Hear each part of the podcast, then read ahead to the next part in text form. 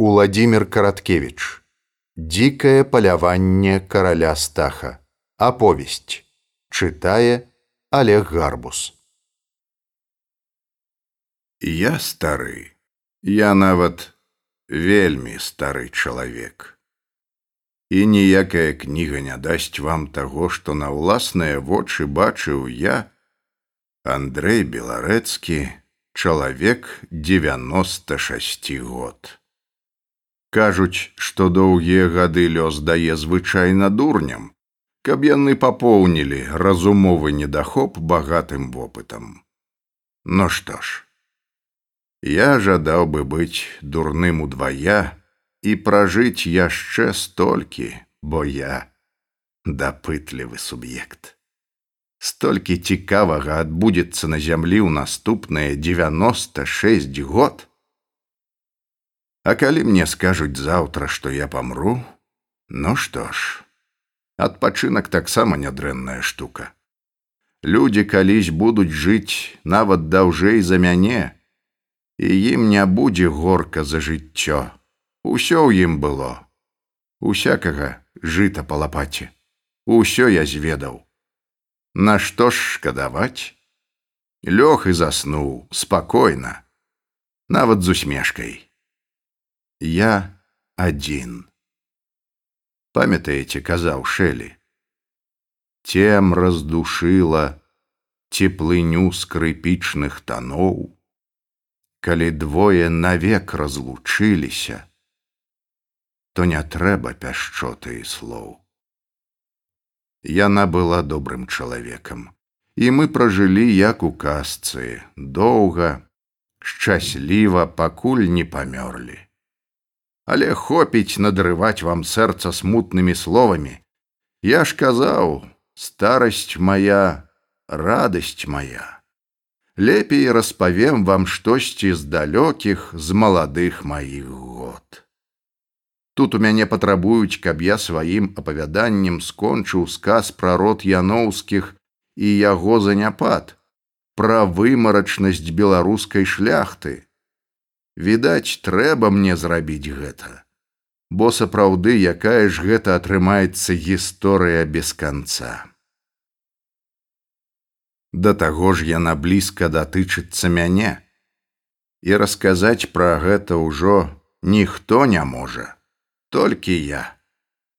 А вам цікава будзе паслухаць дзіўную гісторыю і пасля сказаць, што яна вельмі падобна да выдумкі. Дык вось, перад пачаткам я скажу, што тут праўда, шчырая праўда, толькі праўда. Хоць вам давядзецца пакласціся ў гэтым, толькі на адно маё слово.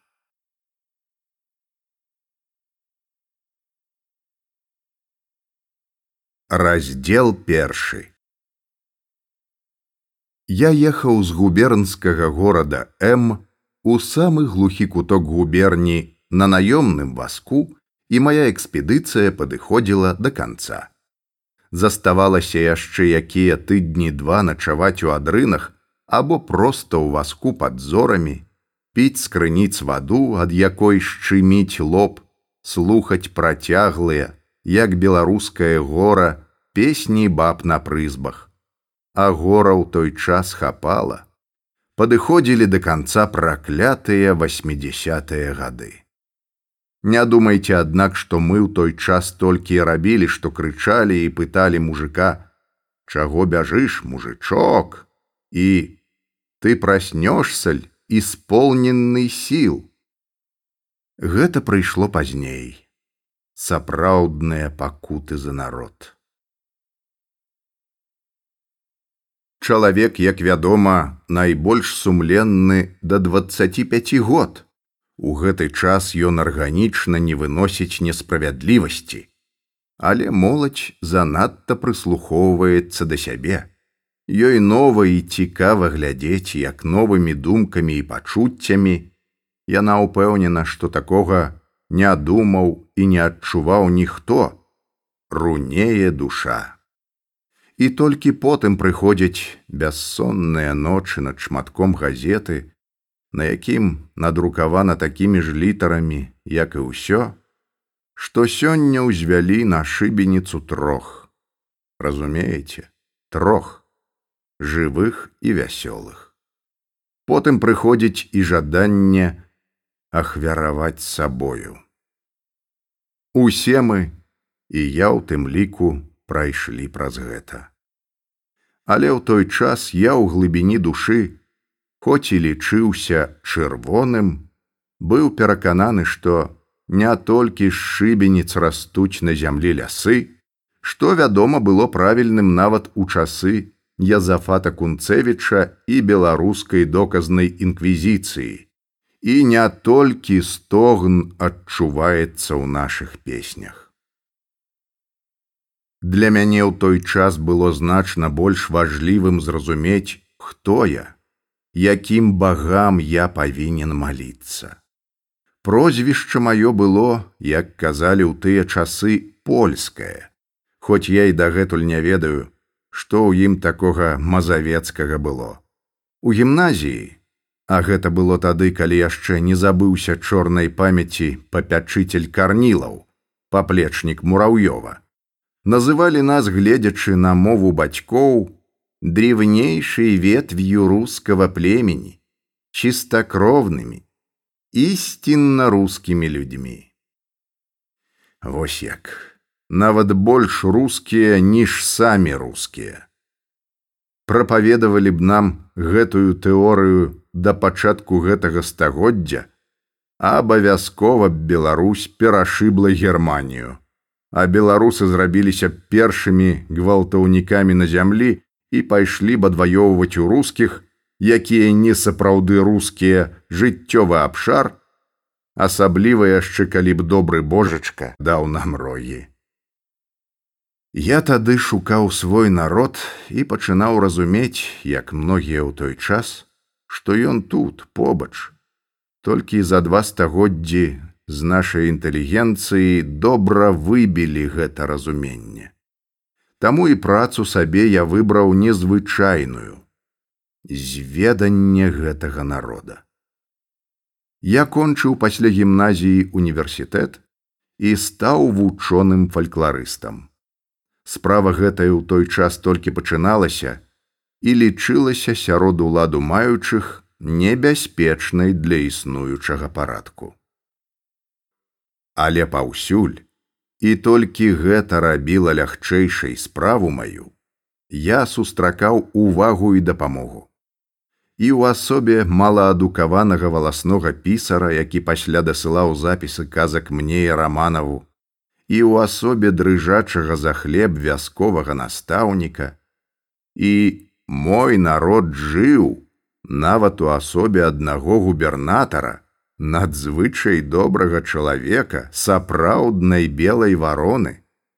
Ён даў мне рэкамендацыйны ліст, у якім загадваў пад пагрозай суровых захадаў чыніць мне ўсялякую дапамогу. Дякуй вам, простыя беларускія людзі. Нават зараз яшчэ я малюся за вас. Што ж казаць пра тыя гады? паступова я зразумеў, хто я. Што прымусіла мяне зрабіць гэта? Можа, цёплыя агні вёсак, назвы якіх і дагэтуль нейкім цёплым болем уваходзяць у маё сэрца. Ліпічна, сорак татар, бярозава воля, урочышча разбіты рог, памярэч, дубрава, вавёркі, А можа, начлег на поплаве, калі дзеці баюць казкі і драма крадзецца да цябе праз кажух разам з холадам, ці мурожны пах маладога сена і зоры праз прадзёртую страху адрыны. Або нават і не яны, а проста хвойная ігліца ў чайніку Дымныя чорныя хаты, дзе жанчыны ў андараках прадуць і пяюць бясконцую песню падобную на стогн. Гэта было маё. За два гады я абышоў і праехаў менскую, магілёўскую, віцебскую, частку віленскай губерні. І паўсюду я бачыў гора народнае, бачыў брудных дзяцей, бачыў сляпых жабракоў, бачыў гора народа майго, даражэй за які я зараз ведаю гэта.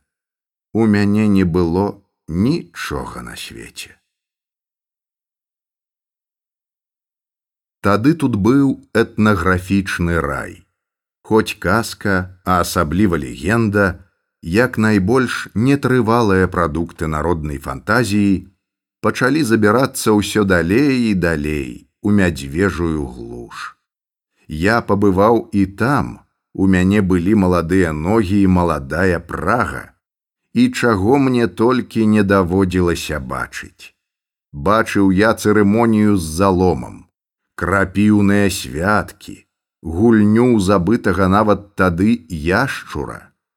Але найбольш бачыў я апошнюю бульбу ў місе, чорны як зямля хлеб, сонная а над калыскай, вялікія выплаканыя вочы жанчын.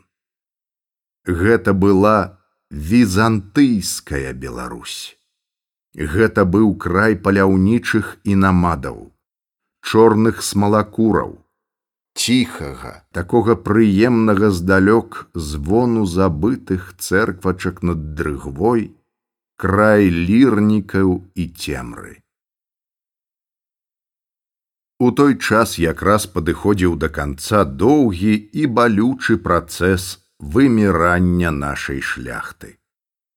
Гэта смерць, гэта гнаенне зажыва цягнулася доўга, амаль два стагоддзі.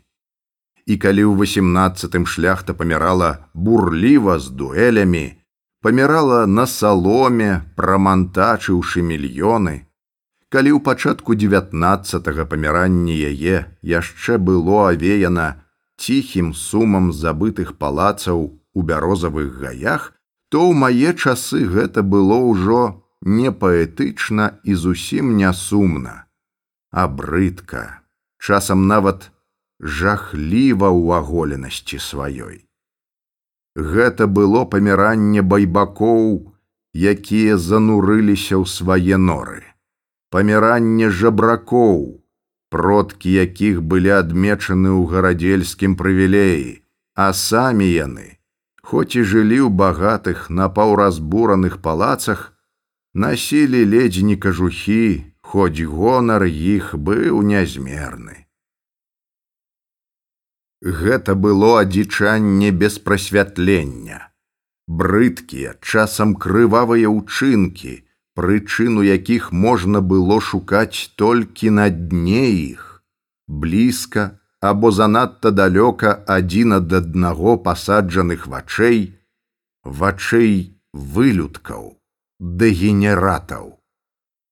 Палілі печкі, выкладзеныя галандскай кафляй, пашчапанымі ўломкамі бясцэннай беларускай мэблі 17 стагоддзя, сядзелі як павукі ў сваіх халодных пакоях, гледзячы ў бязмежную навакольную цемру праз акно, па шыбах якога сцякалі на ўскос флатыліі кропель. Такі быў той час, калі я ехаў на экспедыцыю ў глухі энскі павет губерні. Я выбраў дрэнны час для паездак. Летам, вядома, фалькларысту добра, цёпла, вакол прыгожыя краявіды, але па сваіх выніках наша праца лепшая за ўсё ў глухія восеньскія або зімовыя дні. Тады адбываюцца ігрышчы з іхнімі песнямі, пакудзелле з бясконцымі гісторыямі, а пазней сялянскія вяселлі. Гэта наш залаты час але мне выпала паехаць толькі ў пачатку жніўня месяца, калі не даказак і толькі цягучае наша жніво гучыць над палеткамі. Я праездзіў жнівень верасень, частку кастрычніка і павінен быў зачапіць толькі два тыдні самы пачатак глухой восені, калі я мог спадзявацца на што-небудзь вартае. Пасля мяне чакалі ў губерні неадкладныя справы. Улоў мой быў зусім мізэрны, і таму я быў злы як поп, які прыйшоў на хаўтуры і раптам заўважыў, што нябожчык у васкрэс. Мяне мучыла даўняя застарэлая хандра, якая варушылася ў тыя дні на дне кожнай беларускай душы не вера ў каштоўнасць сваёй справы, бяссілле, глухі боль, асноўныя прыкметы ліхалецця. Тое, што па словах кагосьці з польскіх паэтаў паходзіць ад настойлівай пагрозы, што нехта ў блакітным пабачыць цябе і міла скажа: Бжалце ў жандармерыю. Асабліва мала было ў мяне старадаўніх легенд а менавіта за імі я і паляваў. Вы, напэўна, ведаеце, што ўсе легенды можна падзяліць на дзве вялікія групы. Першыя жывуць паўсюль, распаўсюджаны сярод большай часткі народа. У беларускім фальклоры гэта легенды пра вужыную каралеву, пра бурштынавы палац, большая частка рэлігійных легенд а другія, як ланцугамі, прыкулі да нейкай адной мясціны, павета нават вёскі. Іх звязваюць з дзіўнай скалой на беразе возера, з назвай вёскі або ўрочышча, столькі адной вось гэтай пячорай. Вядома, што такія легенды, звязаныя з нязначнай колькасцю людзей, выміраюць хутчэй, хоць яны часам значна больш паэтычныя ніж агульнавядомыя і калі іх надрукуюць карыстаюцца вялікай папулярнасцю так напрыклад выйшла на людзі легенда пра машэку я паляваў менавіта за другой групай легенд. Мне трэба было спяшацца. Легенда і казка выміраюць. Не ведаю як другім фальклорыстам але мне заўсёды было цяжка перадчасна ехаць з якой-небудзь мясцовасці.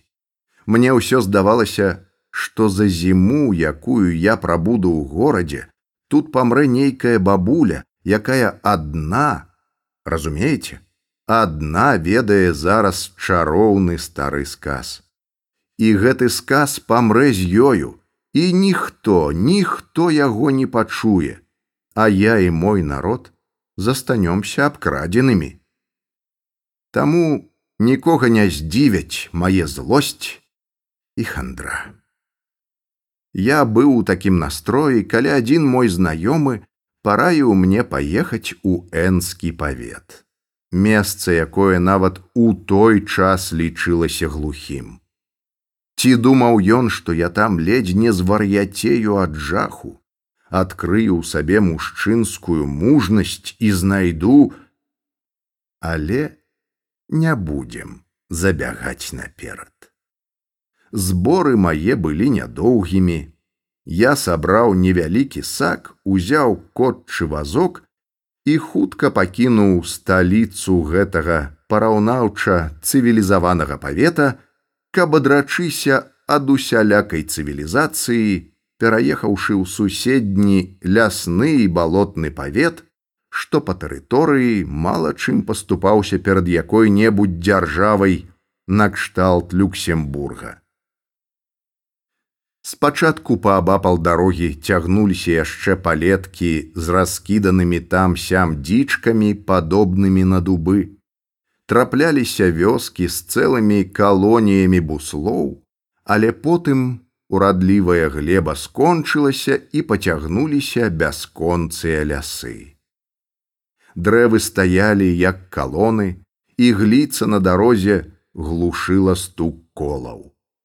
У лясных ярах пахла прэллю і цвіллю, раз пораз зрываліся з-пад самых капытоў коней цецеруковыя чароды, цецерукі заўсёды збіваюцца ў купу восенню там сям глядзелі з-пад ігліцы і верасу чырвоныя або шчарнелыя ад старасці брылі сімпатычных тлустых баравікоў. Два разы мы начавалі ў лясных глухіх вартоўнях і радаваліся, калі бачылі праз начны змрок немачныя агенчыкі іх сляпых акон. Ноч плача дзіцёнак, якога ядуць прусы. Коні на дварэ трывожацца чагосьці, напэўна, блізка праходзіць мядзведь, над верхавінамі дрэў, над лясным акіянам часты зорны дождж. У хаце не прадыхнуць, дзяўчынка люляе нагой калыску.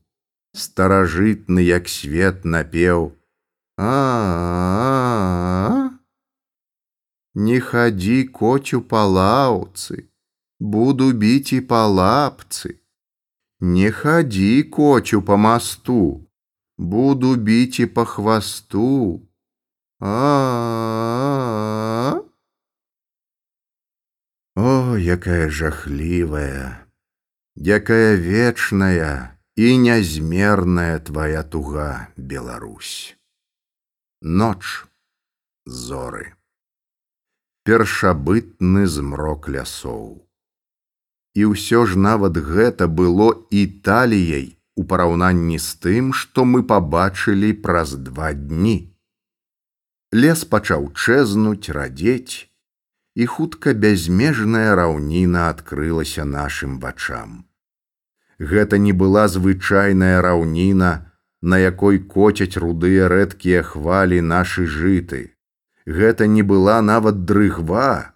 Дрыгва ўсё ж не пазбаўлена разнастайнасці. Там ёсць трава, ніцыя скарлючаныя дрэўцы, там можа бліснуць азярцо, не, гэта быў самы жахлівы, самы безнадзейны з нашых краявідаў тарфяныя балоты. Трэба быць чалавека ненавіснікам, каб выдумаць такія мясціны. І ўяўленне пра іх можа з'явіцца толькі ў пячорным мазгу зласлівага ідыёта. Але гэта не было выдумкай, Вось яны ляжалі перад намі. Неабсяжная раўніна, роўная як стол, была карычневага, нават бурага колеру, безнадзейна роўная, нудная, змрочная. Часам трапляліся на ёй вялізныя купы нагрувашчанага камення, часам буры конус, нейкі пакрыўджаны богам чалавек выбіраў тарпу невядома дзеля чаго, часам сіратліва глядзела на дарогу адным акенцам хатка з высокім комінам і вакол яе ані дрэўца. І нават лес, які цягнуўся за гэтай раўнінай, здаваўся больш змрочным, чым на самай справе. Праз якую гадзіну пачалі і на гэтай раўніне трапляцца астраўкі лесу, чорнага ў мхах і павуцінні, толькі часам роўнага, а больш за ўсё скарлючанага, як на малюнках да страшнай казкі. Але гэтыя ляскі з'яўляліся і знікалі, і зноў цягнулася раўніна, раўніна, бурая раўніна. Я гатовы быў зараўціў голас ад крыўды. І надвор'е на такі выпадак стала псавацца, Нізкія чорныя хмары паўзлі нам насустрач. Там сям з іх цягнуліся на ўскос зямлі свінцовыя палосы дажджу. Ніводнай птушкі пасмяцюхі не траплялася нам на дарозе, а гэта была дрэнная прыкмета. Павінен быў пайсці цяглы начны дождж. Я хацеў быў завярнуць да першай хаткі, але і яны больш не трапляліся. Памінаючы ліхам майго знаёмага, я сказаў фурману, каб ён ехаў хутчэй і шчыльна закруціўся ў плашч. А хмары накіпалі, чорныя, нізкія, дажджавыя. Над раўнінаю цягнуўся прысмерак, такі непрытульны і халодны, што мурашкі паўзлі па скуры. Недзе бліснула нясмелая асенняя маланка. Я толькі паспеў адзначыць неспакойнай думкаю, што гэта занадта позна для навальніцы. Як на мяне, на коней, на фурмана абурыўся акіян холоднай вады. Нехта аддаў раўніну ў лапы ночы і дажджу. І ноч гэтая была цёмная, як сажа. Я не бачыў нават сваіх пальцаў і толькі па паштурхванню васка здагадаўся, што мы яшчэ едзем. Фурман таксама відаць нічога не бачыў і цалкам аддаўся інстынкту коней. Не ведаю, ці сапраўды быў у іх які інстынкт, але хутка вазок наш пачало кідаць з байрака на байрак, з ямы на нейкі бугор і зноў у яму. Шматкі гразі нейкай твані ляцелі ў вазок на плашч мне ў твар, але я хутка асвойтаўся з гэтым і маліўся толькі аб тым, каб не наехаць на якую прорву. Самыя жахлівыя твані трапляюцца менавіта сярод такіх балот, праглыне і вазок і коні і людзей у ранцы ніхто нават не здагадаецца, што тут хтосьці быў, што тут дзве хвіліны крычала чалавечая істота, пакуль бурая каша не налезла ў рот, што зараз гэтая істота ляжыць разам з коньмі на тры сажні ніжэй паверхні праклятага месца. Нешта раўнула з левага боку. Доўгі працяглы, нялюдскі крык. Коні тузанулі вазок, я ледзь не выпаў і памчалі кудысьці, відаць, на прасткі па балоце. Пасля штосьці хрумснула, і заднія колы васка пасунуліся ўніз. Адчуваючы, што пад ногі мне нацякае нешта мокрае, я таргануў за плячо фурмана, той з нейкай абыякавасцю сказаў: гінем пане, тут і гамон. Але мне не хацелася паміраць. Я схапіў руку фурмана, расціснуў яму пальцы і, выхапіўшы пугу, пачаў хвастаць па тым месцы ў цемры, дзе павінны былі быць коні. Нехта нема закрычаў такім голасам, што коні, відаць, спудзіўшыся, шалёна тарганулі вазок, Ён задрыжаў увесь, як быццам таксама намагаўся вырвацца, пасля штосьці голасна цмокнула пад коламі. Вазок нахіліўся, затросся яшчэ мацней, загігатала кабыла. І штосьці здарылася. Вазок зноў пакаціўся і хутка загрукатаў па нечым цвёрдым. Толькі тут я зразумеў, што нема крычаў няхто іншы, як я. Мне стала сорамна. Я збіраўся ўжо попрасіць фурмана, каб ён спыніў коней на гэтым адносна цвёрдым, каб перачакаць ноч, але тут дождж быццам зрабіўся рэдкім і адначасова штосьці мокрае і калючае хвастанула мяне па твары. Яловая лапа адзначыў я, значыцца гэта лес, коні спыняцца самі. Але прайшоў час, лапы яшчэ разы са два дакраналіся да маёй галавы, а вазок не скакаў па карэннях, каціў роўна і гладка, і коні аніводнага разу не спыніліся. Значыцца, гэта была лясная дарога я вырашыў, што яна павінна кудысьці давесці нас і аддаўся на волю лёсу. І сапраўды, мінула можа хвілін трыццаць і наперадзе заміхцеў цёплы жывы агеньчык, такі ружовы і прывабны сярод гэтай золкай і мокрай цемры. Праз некаторы час можна было пабачыць, што гэта не хата палясоўшчыка, і не будан с малакура, як я падумаў быў спачатку, а нейкая вялікая будыніна, занадта вялікая нават для гарадскога дома. Перад ёю клумба, вакол мокрыя шаты дрэў, чорнае жарало яловай алеі, адкуль мы выехалі. Ганак быў пад нейкім высокім навесам. На дзвярах вісела цяжкае бронзавае кольцо. Спачатку я, потым фурман, пасля зноў я грукалі гэтым кольцом у дзверы. Грукалі нясмела, грукалі трошки мацней, білі кольцом наводмаш, спыняліся, клікалі, пасля білі нагамі, хоць бы які водгук. Нарэшце за дзвярыма захадзілі. Няўпэўнена, нясмела. Пасля пачуўся аднекуль з вышыні сіпаты жаночы голас. Хто такія? Мы падарожныя цётух напусціце. А ці не з палявання вы часам? Якое там паляванне, мокрыя ўсе, ледзь на нагах стаім. Даль Бог пусціце нас.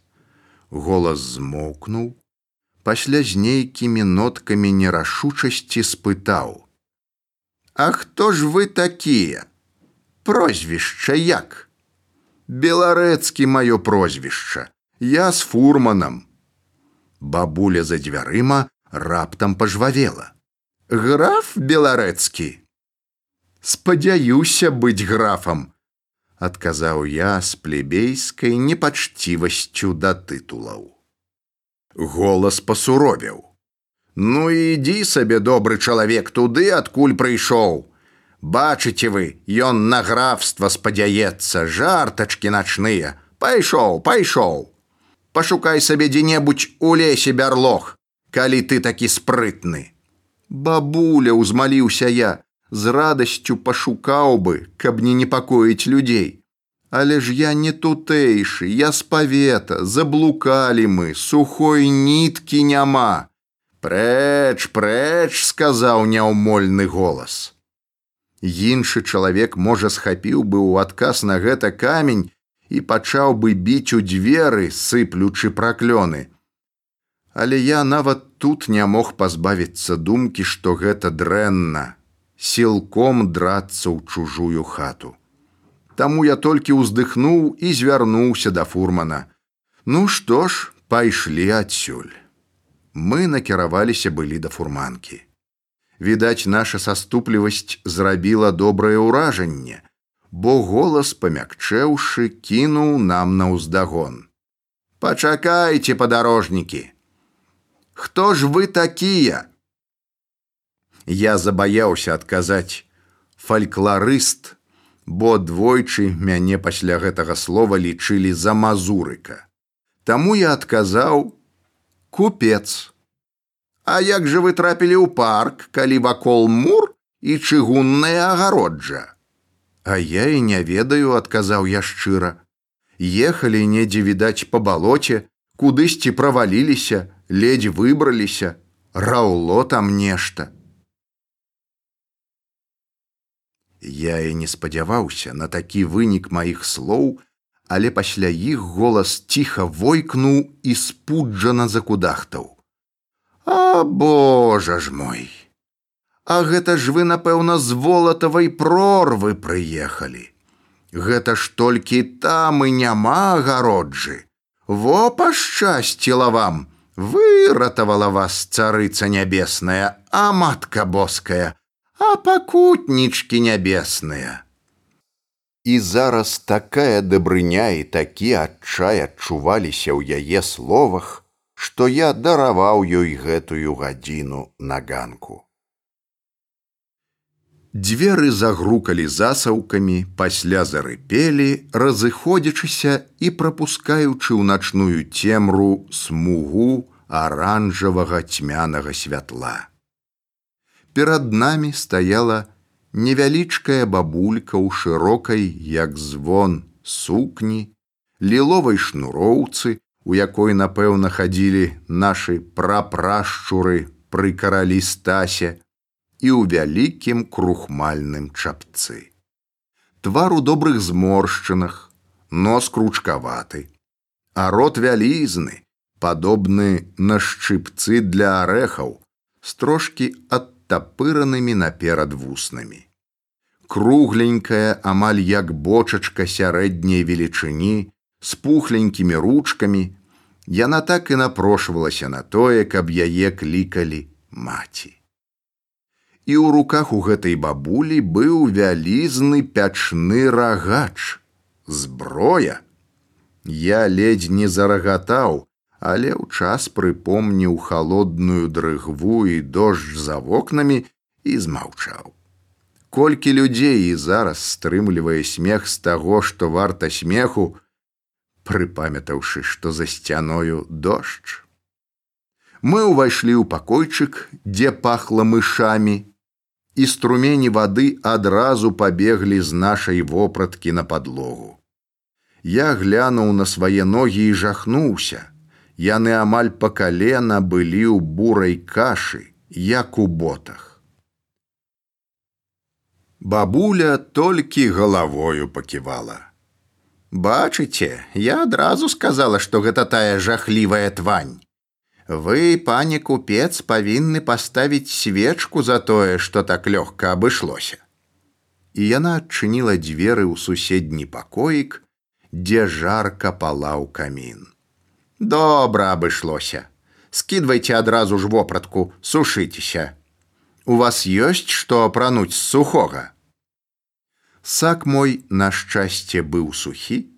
Я пераапрануўся перад камінам, вопратку маю і фурманаву бабуля некуды пацягнула, а пасля зайшла ў пакой з сухою для фурмана. Зайшла, не звяртаючы ўвагі на тое, што фурман стаяў зусім голы і сарамліва паварочваўся да яе спіною. Паглядзела на яго сінюю спіну і сказала непрыхільна: « Ты, малец, ад мяне не вельмі адварочвайся. Я старая баба. І пальцы на нагах не падціскай. Навось, пераапранайся лепей хутчэй. Калі мы пераапрануліся і трохі сагрэліся ля каміна, бабуля паглядзела на нас глыбока запалымі вачыма і сказала: « Ну вось і добра. Ты малец пойдзеш зараз з янам начаваць. Тут табе будзе нязручна. Ян! Ян з'явіўся гэта быў падслепаваты чалавек год 60 з доўгімі сівымі валасамі носам вострым як шыла запалымі шчокамі з вусамі якія звісалі да сярэдзіны грудзей. Я вельмі здзівіўся, што адна бабуля з рагачом у руцэ адчыніла нам дзверы, не пабаялася двух дарослых мужикоў, якія невядома адкуль з'явіліся ўначы. Але пасля таго, як пабачыў Яна, зразумеў, што ён стаяў недзе ў засадзе і жанчына спадзявалася на яго дапамогу. Дапамога была важнецкая. У руках старога вартаўніка я пабачыў стрэльбу. Гэта была нават не зусім стрэльба, да яе больш пасавала б назва мушкет. Стрэльба была вышэй галавы, прыблізна дзюймаў на шэсць.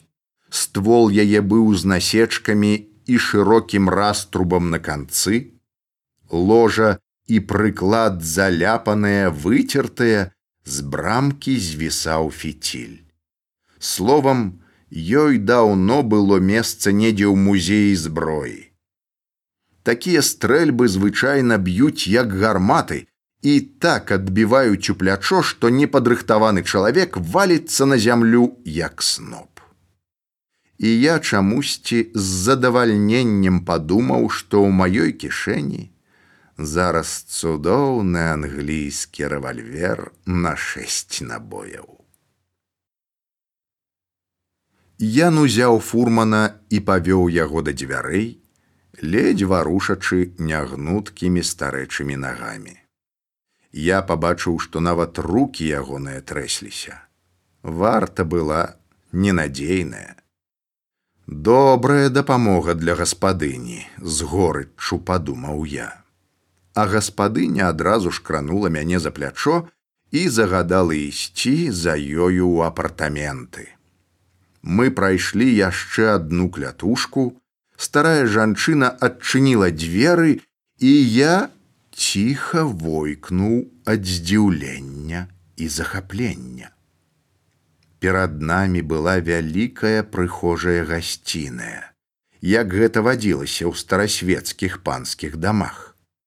Але што за прыхожая? Яна была вялізная, такая вялізная, што мой змрочны адбітак у люстры недзе на другой сцяне здаваўся не большым за суглоб мезенца.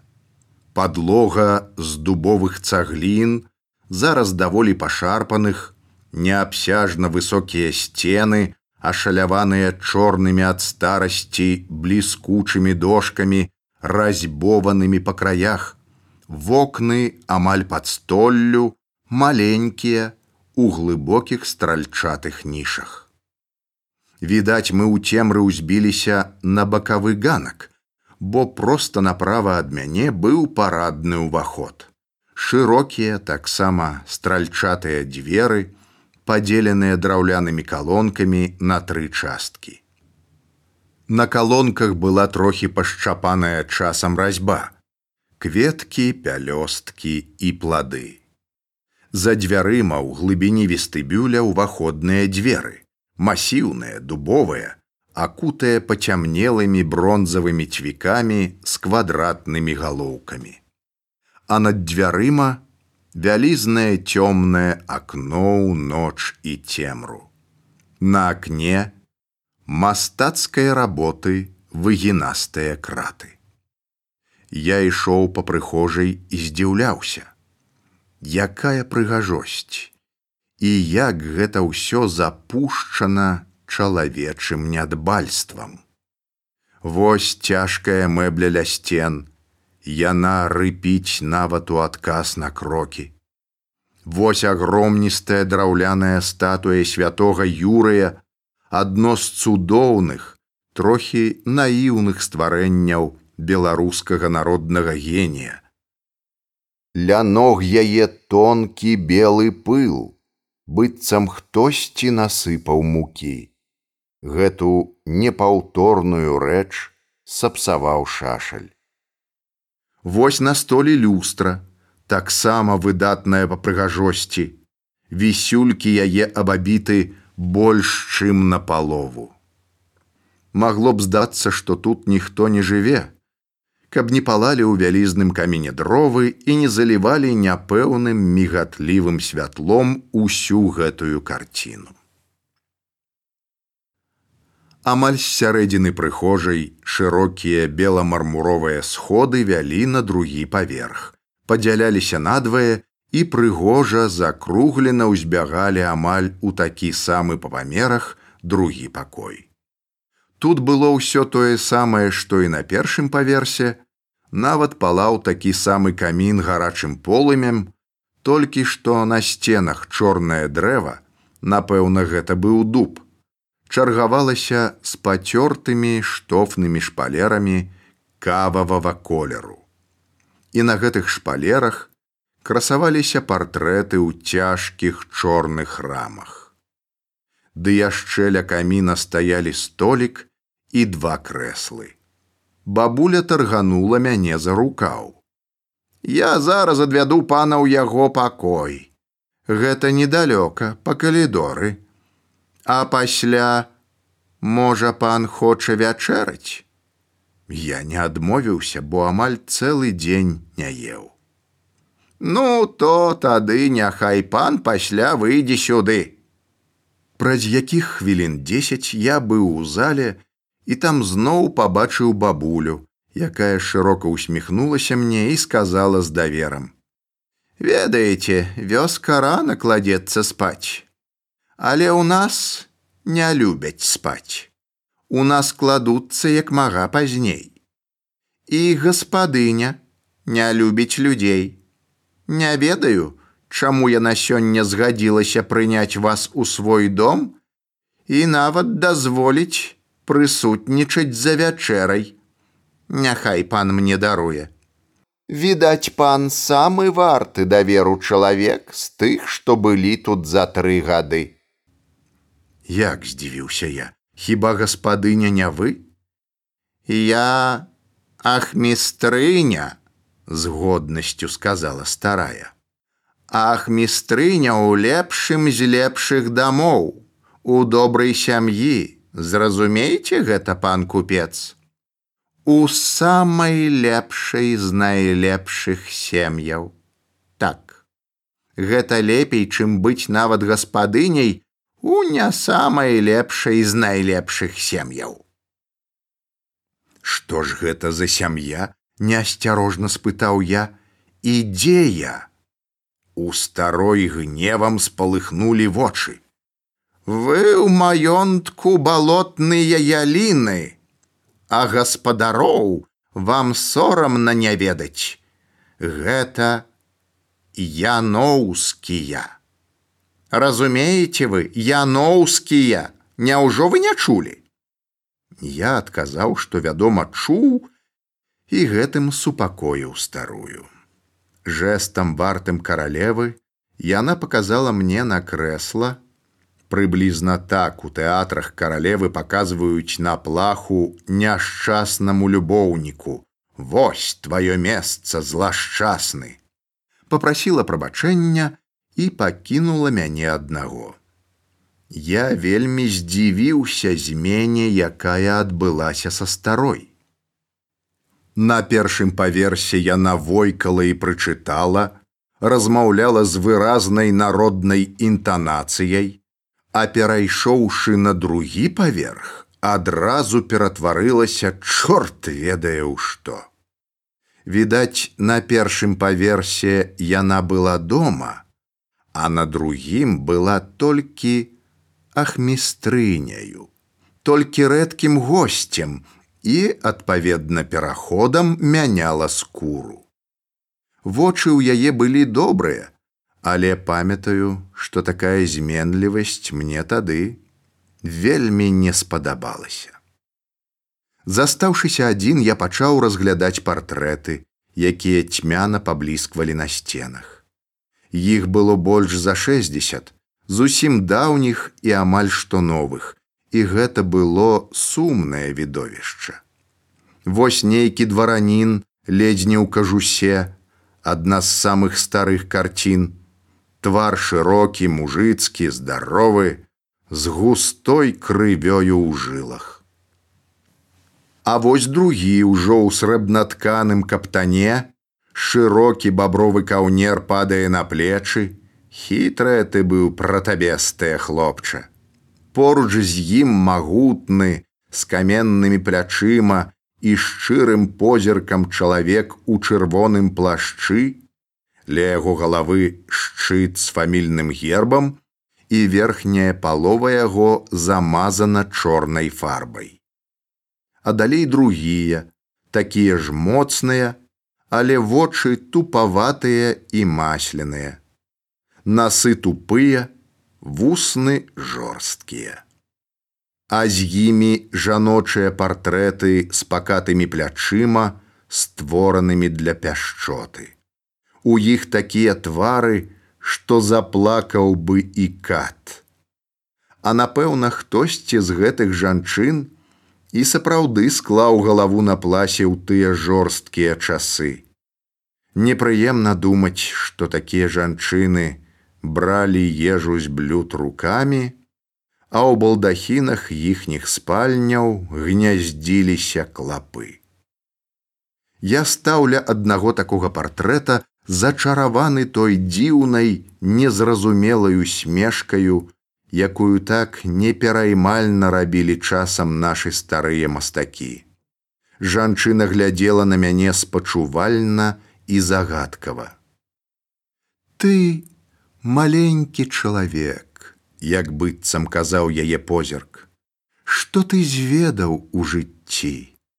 О, каб ведаў ты, як палаюць паходні на сценах залы для пероў, Каб ведаў ты, якая насалода цалаваць да крыві каханкаў, дваіх звесці ў бойцы, аднаго атруціць, аднаго кінуць у руки кату, дапамагаць мужу страляць з вежы па наступаючых ворагах, яшчэ аднаго каханка амаль звесці ў магілу сваім каханнем і пасля ўзяць ягоную правіну на сябе, скласці на эшафоце сваю галаву з высокім белым ілбом і складанай прычоскай.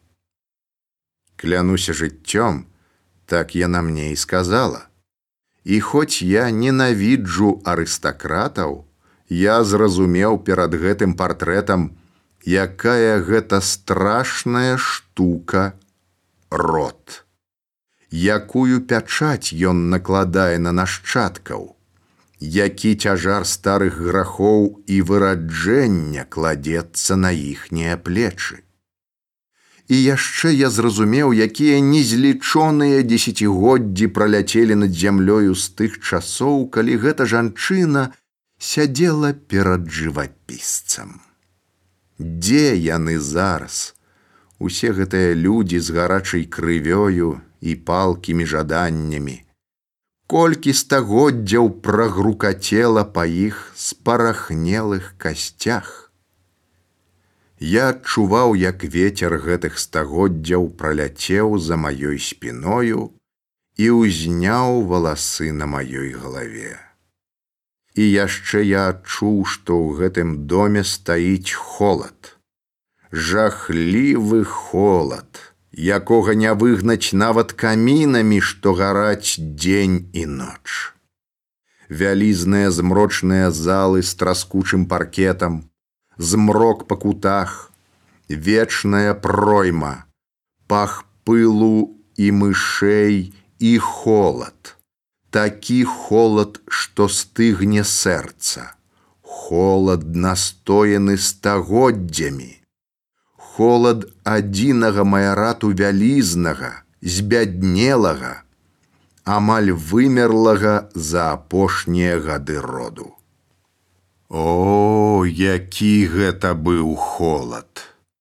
Каб пазнейшых нашых дэкадэнтаў, якія апявалі занядбаныя панскія замкі пакінуць тут хоць бы на ноч, яны хутка запрасіліся б на траву, на цёплае сонейка. Пацук смела перабег па дыяганалі залу. Мяне перасмыкнула. Я зноў павярнуўся да партрэтаў. Але пазнейшыя партрэты былі таксама іншымі. У мужчын нейкі галодны незадаволены выгляд, вочы, як у старых селадонаў, на вуснах незразумелая тонкая і непрыемная з'едлівасць. І жанчыны іншыя, вусны занадта пажадлівыя, позірк манерны і жорсткі. І відавочна слабелі руки. За белай скурай як у мужчын, так і ў жанчын бачны былі блакітныя жылкі. Плечы ставалі вузкімі і пададзенымі наперад, хоць юрлівасць нават мацнела ў выразе твараў жыццё. Якія жорсткія жарты робіш ты з тымі хто стагоддзі жыў адасоблена а з народаў меў зносіны толькі на той выпадак каб нараджаць на свет бастардаў. Мне было цяжка непрыемна глядзець на гэта. І зноў гэта пачуццё пранізлівага незразумелага холаду Я не пачуў крокаў за спіною, як быццам той, хто падышоў плыў у паветры. Мне раптам проста здалося, што нехта глядзіць мне ў спіну. Тады я, прыцягнуты гэтым позіркам, павярнуўся. Жанчына стаяла за маёй спіною, і пытальна глядзела на мяне, схіліўшы галаву. Я быў прыгаломшаны.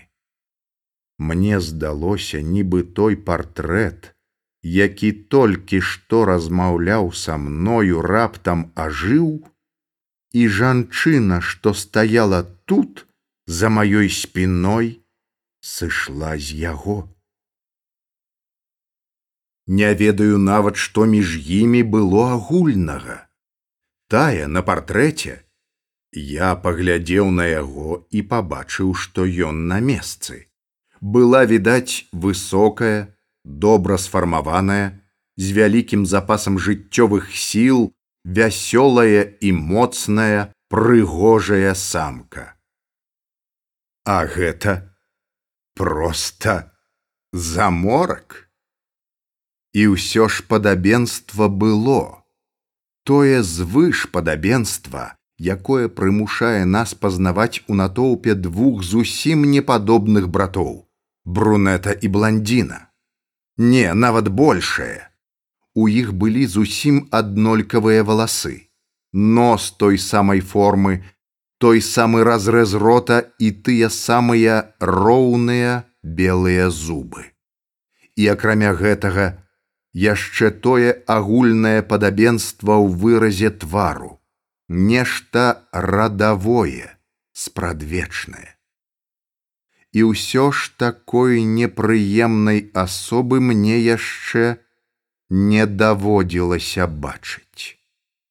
Усё тое самае і ўсё не тое, маленькая ростам, худенькая, танюткая, як галінка, з амаль неразвітымі клубамі і убогімі грудямі, з блакітнымі жылкамі на шыі і руках, у якіх зусім здавалася не было крыві, яна была слабай, як сцяблінка палыну на мяжы.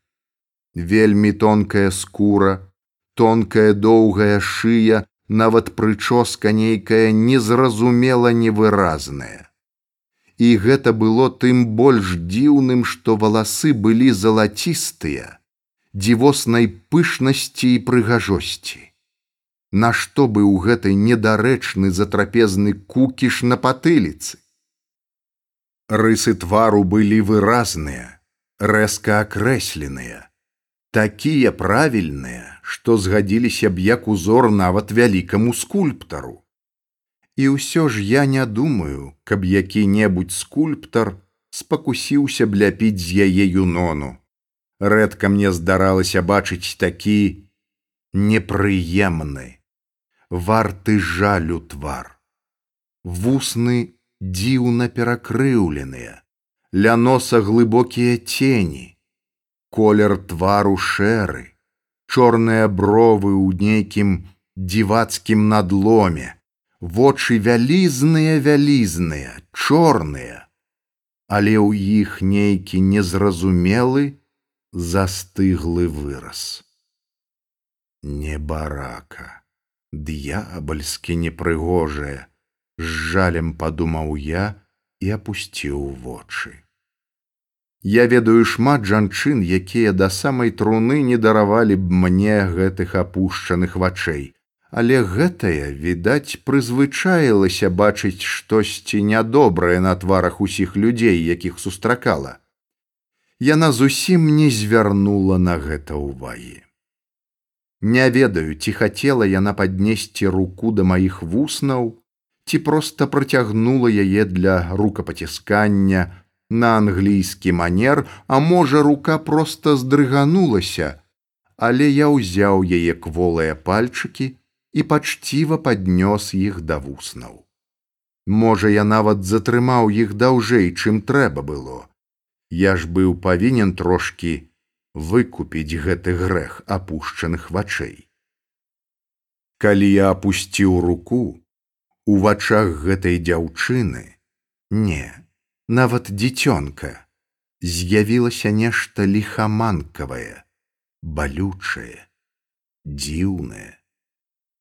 Яна ўсё так як раней моўчкі показала мне рукою на крэсла перад камінам. Я аднак не сеў пакуль не села яна. І зноў той самы дзіўны выраз у вачах. І тут я прыпомніў, як дрыжала яе рука ля маіх вуснаў і зразумеў, што яна проста не ўмела яе падаваць, што ёй ніколі не цалавалі рукі. А па праўдзе, чаго можна было чакаць ад гэтай выклятай богам балотнай дзіркі сярод лясоў. Калі тая самая ахмістрыня з падціснутымі вуснамі прынесла нам вячэру і пакінула нас адных, я спытаў, з кім я размаўляю. Я гаспадыня балотных ялін, надзея яноўская. Прабачце, можа, мне трэба было прадставіцца раней. Я сам таго не жадаючы, падмануў вашу ахмістрыню. Я зусім не купец, я ведаю, вельмі спакойна сказала яна.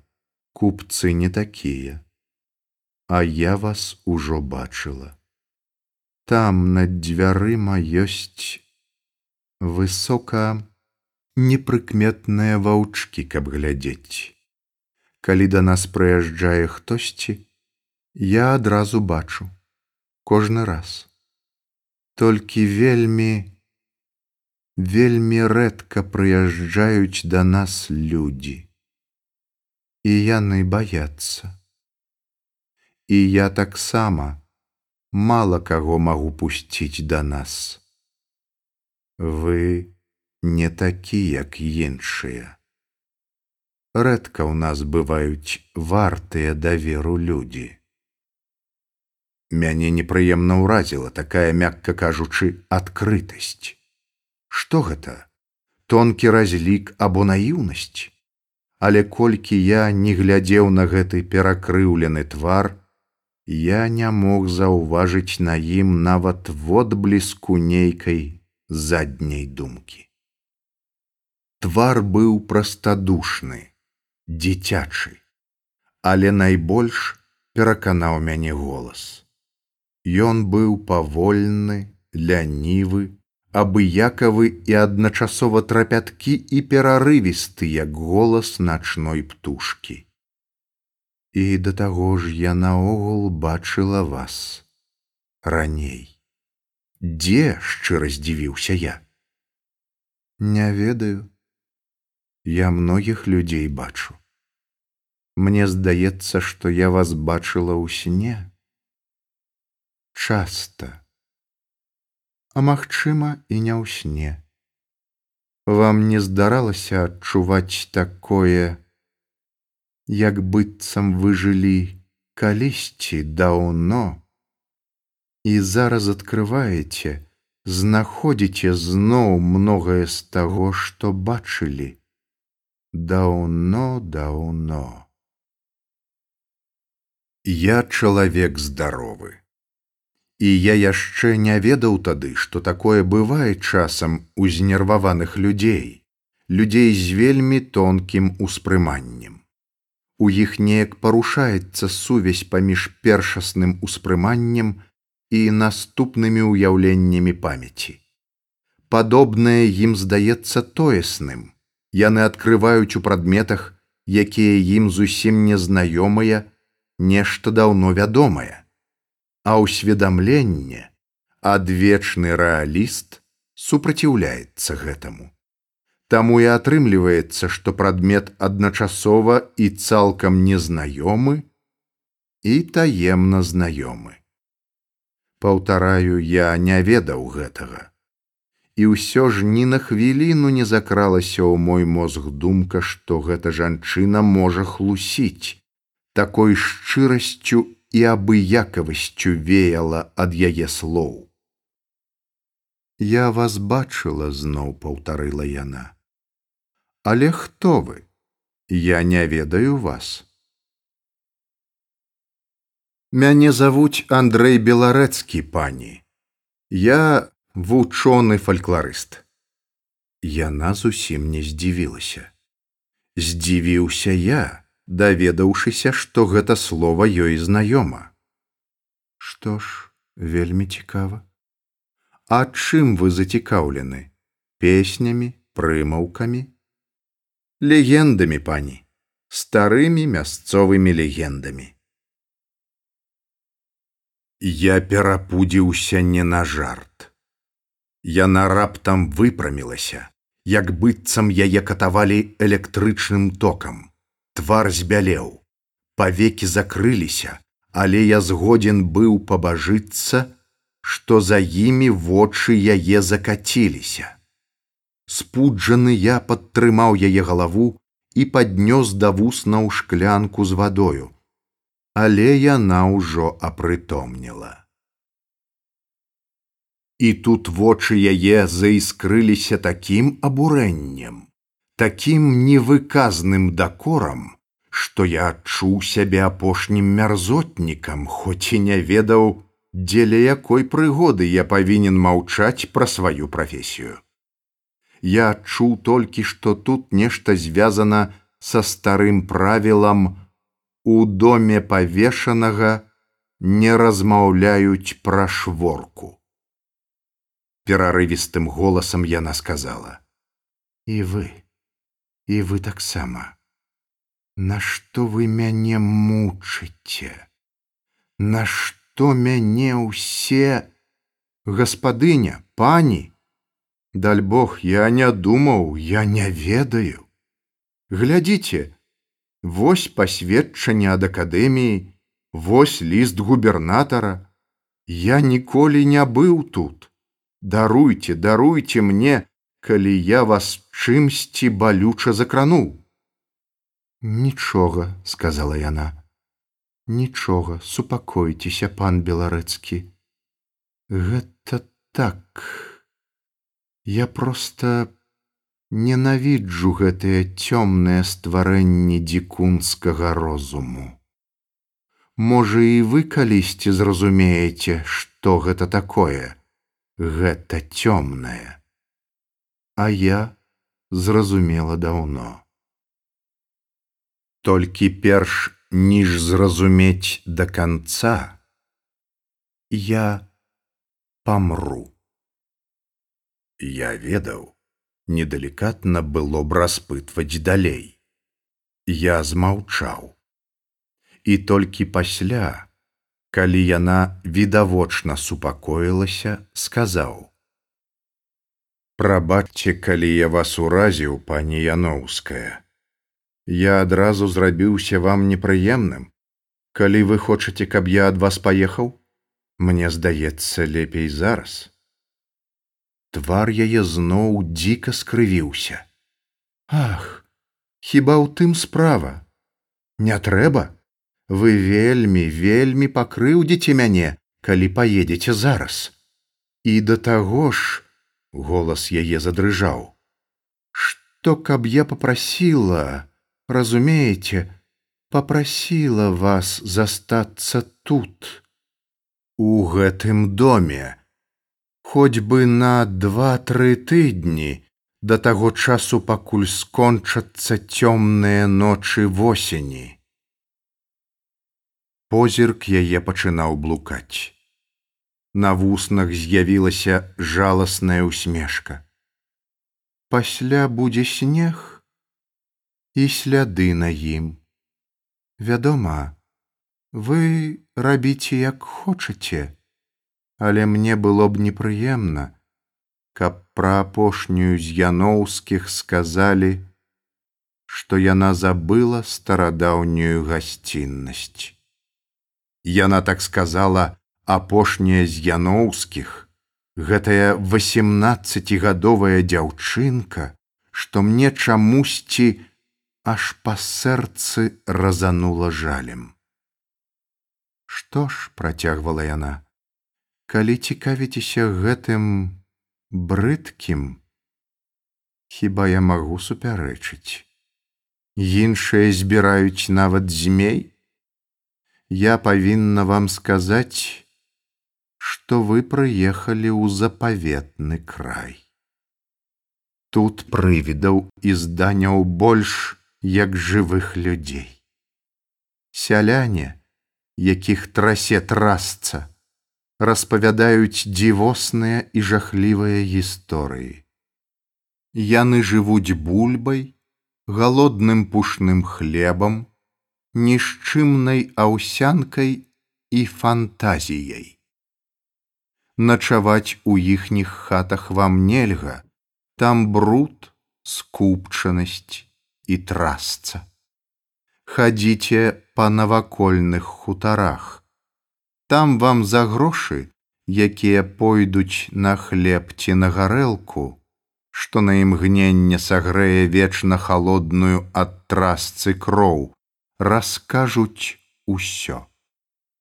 А вечарам прыходзьце сюды. Тут вас заўсёды заўсёды будзе чакаць стол і ложак і агонь у каміне. Запамятайце, я гаспадыня тут. Сяляне слухаюцца мяне. Згода? У гэты час я з упэўненасцю ведаў, што ніхто гэтага дзіцёнка не слухаецца.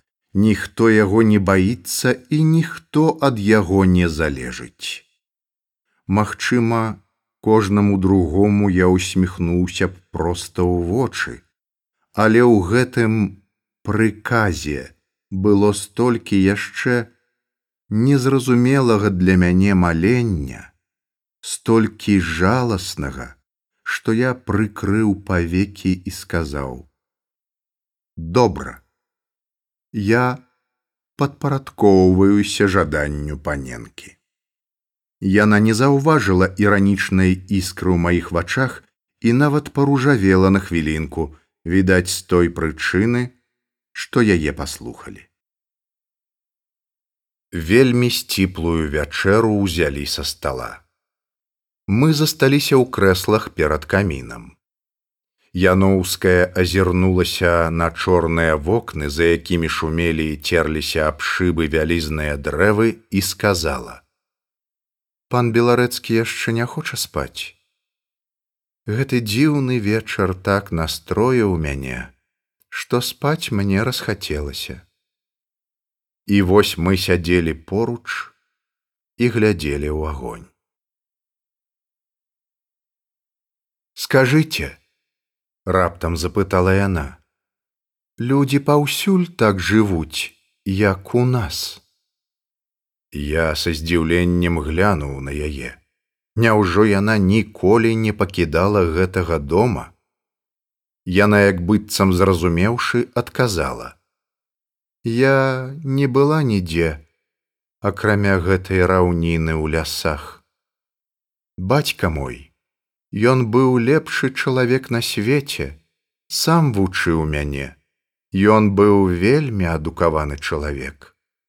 Я, вядома, ведаю, якія ёсць на свеце краіны. Ведаю, што не паўсюль растуць нашы яліны, але скажыце, ці паўсюль чалавеку так сіра і холодна жыць на зямлі. Многім холодна жыць на зямлі пані. Вінаваты ў гэтым людзі, якія прагнуць улады, непасільнай, немагчымай для чалавека. Вінаваты таксама і грошы, з-за якіх людзі хапаюць адзін аднаго за глотку. Але мне здаецца, што не паўсюль так сіратліва, як тут. Там, за лясамі, ёсць цёплыя лугі, кветкі, буслы на дрэвах.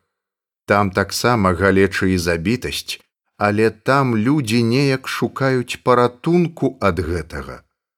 Людзі прыкрашаюць хаты, жанчыны смяюцца, дзеці бегаюць, а тут усяго гэтага мала. Я здагадвалася, сказала яна.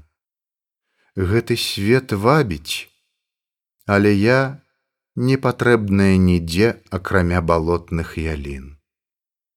Ды і што я там буду рабіць, калі там патрэбны грошы. Скажыце, а такія рэчы, як каханне, як сяброўства, там бываюць хоць часам. Ці гэта толькі ў кнігах, якія ёсць у бібліятэцы бацькі. Я зноў ні на хвіліну не падумаў, што гэта двухсэнсоўны жарт. Хоць маё становішча было досыць няёмкім, сядзець у начным пакоі і размаўляць з малазнаёмай паненкай пра каханне, ды яшчэ па яе ініцыятыве. Там яно часам бывае. Вось і я кажу: Не можа быць, каб людзі хлусілі. Але тут нічога гэтага няма. Тут багны і змрок, тут ваўкі, ваўкі з палаючымі вачыма. У такія ночы мне здаецца, што нідзе, нідзе на зямлі няма сонца. Мне стало страшна, калі я пабачыў сухі чорны бляск яе вачэй, і каб перавесці тэму размовы на штосьці іншае сказаў: Няўжо вашы бацька і маці не кахалі адзін аднаго. Яна загадкава усміхнулася. У нас не кахаюць. Гэты дом цягне з людзей жыццё. І потым, хто вам сказаў, што ў мяне была маці, я яе не памятаю. Яе не памятае ніхто ў доме.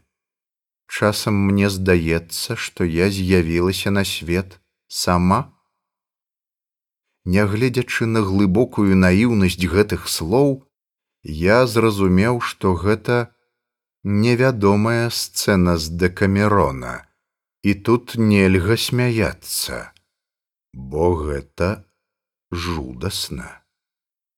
Перада мною сядзела восемнадцацігадовая дзяўчына і размаўляла са мною пра тое, што даўно павінна была хаваць у сэрцы, і што аднак мела для яе не большую рэальнасць, ніж для мяне анёлы на небесі. Вы памыляецеся, пані, буркнуў я.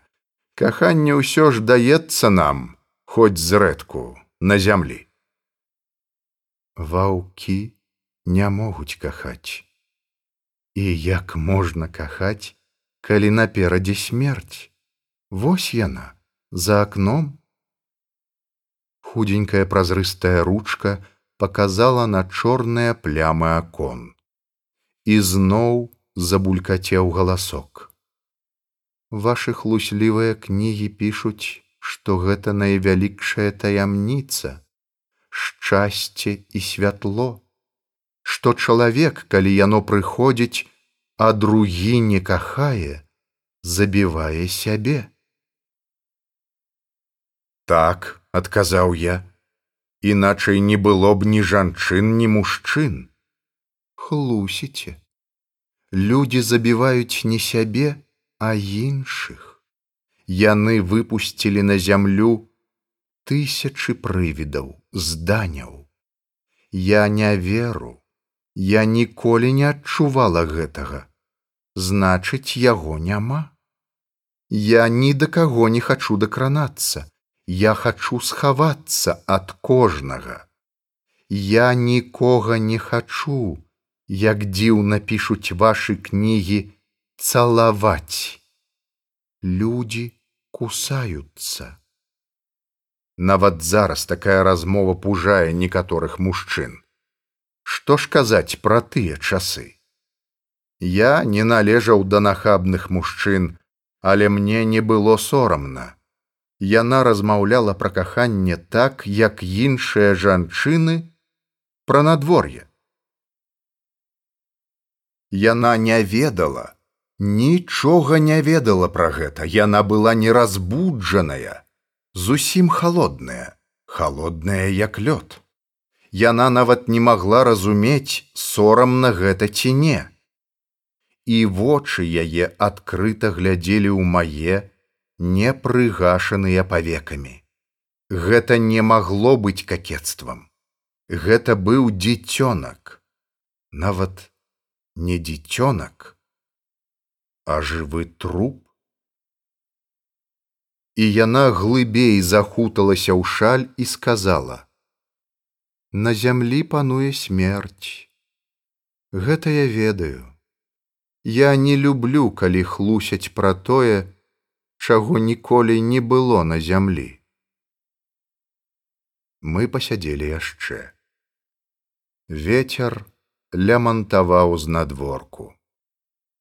Яна знізала плячыма і ціха сказала: « Жахлівы край, жахлівыя дрэвы, жахлівыя ночы і зноў я пабачыў той самы выраз на яе твары і не зразумеў яго. Скажыце, гэта вялікія гарады, вільня і Менск, даволі вялікія, але Масква, Петербург большая. І што? Там таксама людзям нядобра ўночы. Не, што вы? Там за вокнамі агні, усю ноч гараць ліхтары, звіняць конкі, там людзі смяюцца на вуліцах. Яна задумалася. Вось бачыце, А тут ніводнага агню. Вакол гэты стары парк на дзве вярсты ў кожны бок, а за ім спяць без агнёў самотныя хаты. У замку каля пяцідзесяці пакояў, не лічачы калідораў і розных пераходаў з закуткамі. Ён так даўно пабудаваны. І ён вельмі халодны, бо продкі забаранілі рабіць у ім печкі, толькі каміны, каб не было падобна на простых суседзяў. Каміны палаюць удзень і ўначы, але ўсё адно па кутах вільгаць і паўсюль холад. У нас на 50 пакояў толькі тры чалавекі. Ахмістрыня спіць на першым паверсе, там і вартаўнік. Яшчэ ў адным з флігеляў за алеяй жывуць вартаўнік парку, кухарка і праля. Там добра а ў другой прыбудове дома з асобным уваходам жыве яшчэ мой упраўляючы ігнат бермангацевич Нашто ён патрэбен упраўляючы не ведаю але такі закон. А ў доме на ўвесь другі паверх на трыццаць пакояў я адна. І так непрытульна што хочацца заціснуцца кудысьці ў кут, захутацца з галавою, як дзіцёнку у коўдру і сядзець так.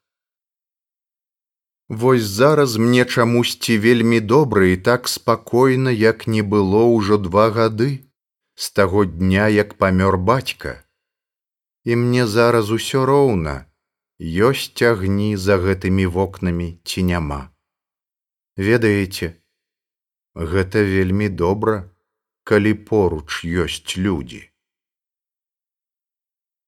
Яна давяла мяне праз гадзіну да майго пакоя, яе пакой быў толькі праз адны дзверы ад майго, і калі я ўжо адчыняў дзверы, сказала: « Калі вы цікавіцеся старымі паданнямі, пашукайце ў бібліятэцы, у шафе для рукапісаў.